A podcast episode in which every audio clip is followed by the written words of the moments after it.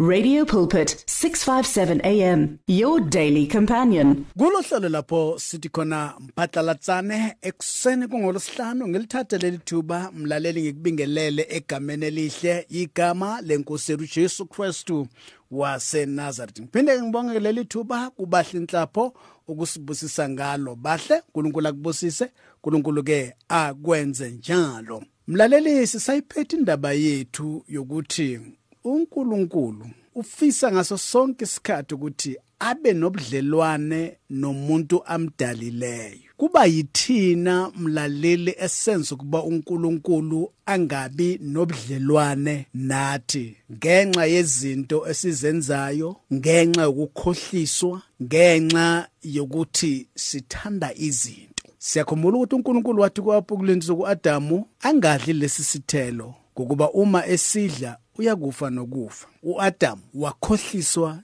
yinyoka. Wathi uNkulunkulu uyazi ukuthi ke uma nisidla lesi sithelo aniyi kufa nokufa niyofana naye. Ngoba phela sithanda izinto. iBhayibheli lithi ke basibuka ke lesithelo ngempela sabuka kuyisithelo esihle esifanele ukudliwa. Ngokungalaleli kwabo umlaleli ensimini yaseEden sasifica kulesi simo esikusona ngoba iBhayibheli lithi wayeza ngaso sonke isikhathi ukuphola kwelanga azoxoxisana nomuntu azophila nomuntu. Kwaba ukuhlukana kwaNkuluNkulu nomuntu ensimini yaseEden. Siyakhumbula ke mlalela ububi bandake ngendlela e, e, ububi bande ngayo. Kwafika lapho elitizwi lenkosi uNkulunkulu wayesekhulumisana ke noNoah. Sibonile kulamaviki andlule leviki endlule. uNkulunkulu wayesethi ke yakha umkhumbi ungene emkhunjini wena nefamily yakho. Waba nobudlelwano obuhle futhi noNoah. izwi lenkosi ke wathumelela imvula enkulu yashabalalisa izwe kwaqala isizwe sisha sakaNoah.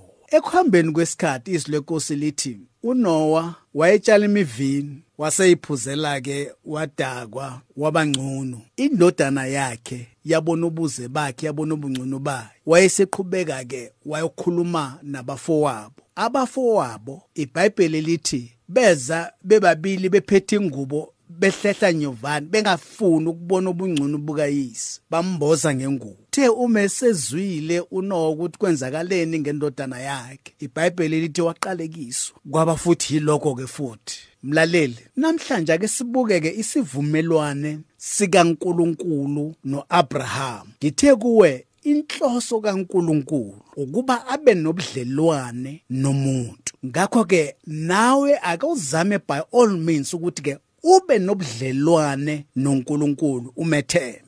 Kepha ke ngenxa ukuthi ke abanye bethu asimethembe kungako sifica kulesi simo esibhekene naso. Sikhohliswa ngapha nangapha.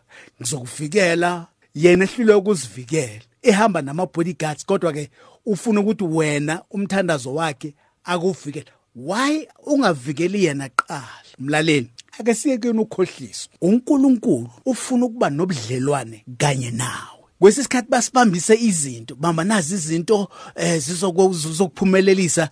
Kepha uthi ubheka yena yona lokubambisayo awubona impumelelo uphumelela ngemali yakho lo mnikeza yona. Ake siyekeni ukukhohliswa uNkulunkulu ufuna ukuba nobudlelwane kanye nawe. Ake sizwe ukuthi ke uNkulunkulu ke usethini ke kuAbraham ake sifundeke kuGenesis chapter 12 siqala ukufunda lapha evesini lokuqala. Genesis chapter 12 verse 1 uJehova wathi kuAbraham kuAbram phuma ezweni lakini nasezihlotsheni zakho nasendlini kayihlo uye ezweni engiyakukukhombisa lona.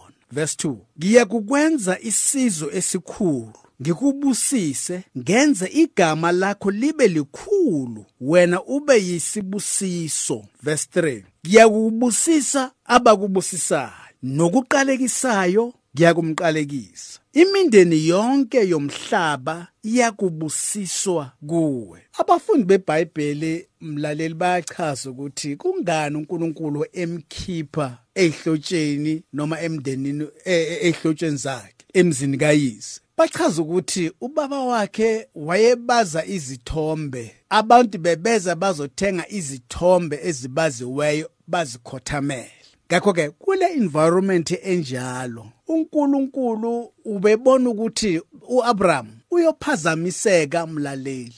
Ngakho ke kungcono amkhiphe lapho abe yedwa bese abe yedwa kanye noNkulunkulu. Kungakho ke la kuGenesis chapter 1 uthi ke phuma ezweni lakini nasezihlotsheni zakho nasendlini kayihlo. Usiyabona ke mlale nasendlini kabani kayihlo? Uye ezweni engiyakukhombisa lona. iBhayibheli uma liqhubeka lithi ke ngiyakukwenza isizwe esikhulu. Usuyabona ke la uNkulunkulu ufisa ukuba nobudlelwane nabantu bonke. Lana ke ngamagama kuchaza kona ukuthi ke uAbraham uma esephumile uzomethemba ngayo yonke inhliziyo yakhe. And then uNkulunkulu phezukwalokho aphinde akhe isizwe esikhulu kuye mlaleli. Ngenxa ukuthi yena uyobefundisa labo bantu ukumethemba uNkulunkulu ukukhonza uNkulunkulu yena yedwa. Akasoze afundise abantu ukukhonza uNkulunkulu baphinde bakhonze eh, nabo uNkulunkulu abanye aphinda bakhonze nezinye izinto futhi bathembe kwezinye eh, ezinye izinto. Ubezokwakha isizwe esikhulu esiyomethemba uNkulunkulu ngakho konke. Kungaka uJehova amkhiphile ezweni lakhe waphinde wamkhipha futhi nasezihlotsheni zakhe.